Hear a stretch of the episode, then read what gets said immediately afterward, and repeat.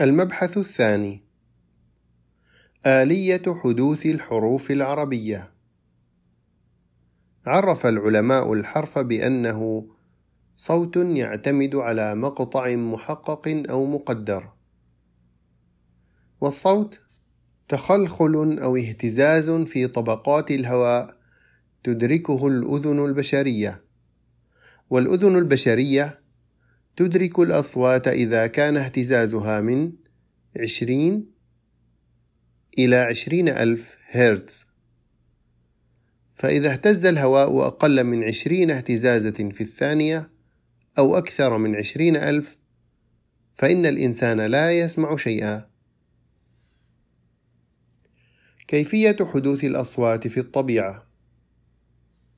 تحدث الأصوات في الطبيعة بعدة طرق. منها واحد تصادم جسمين.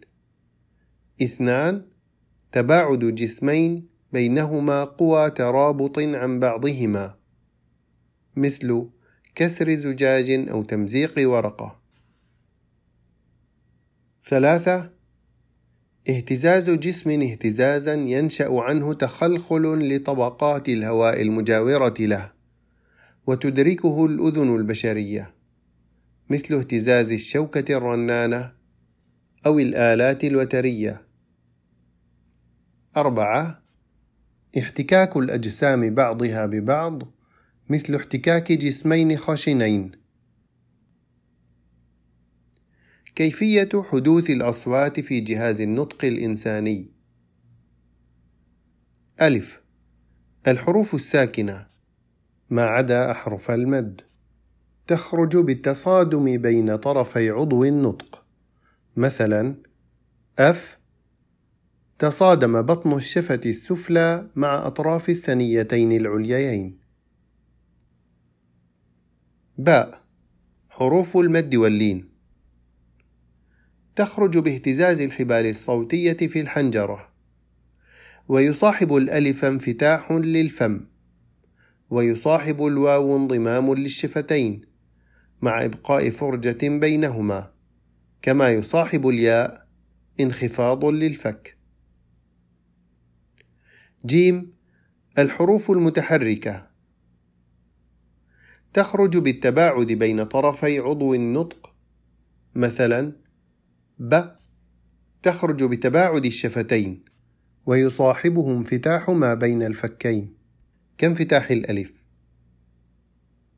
ب تخرج بتباعد الشفتين مع انضمامهما. ب.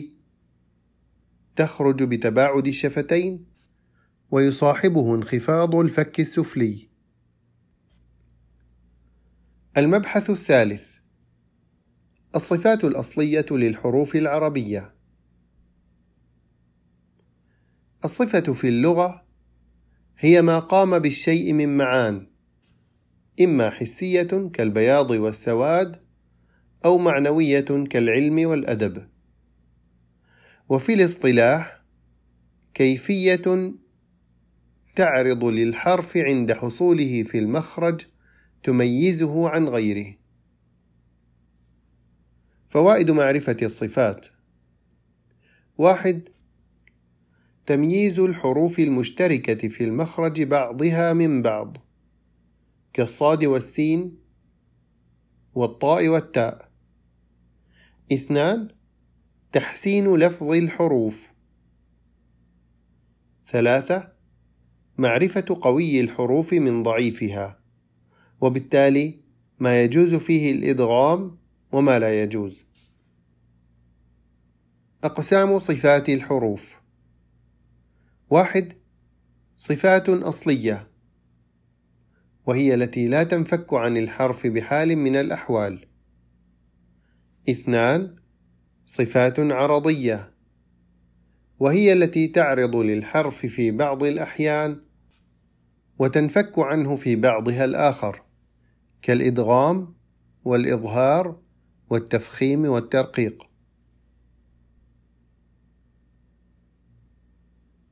الصفات الأصلية للحروف العربية صفات لها ضد صفات لا ضد لها.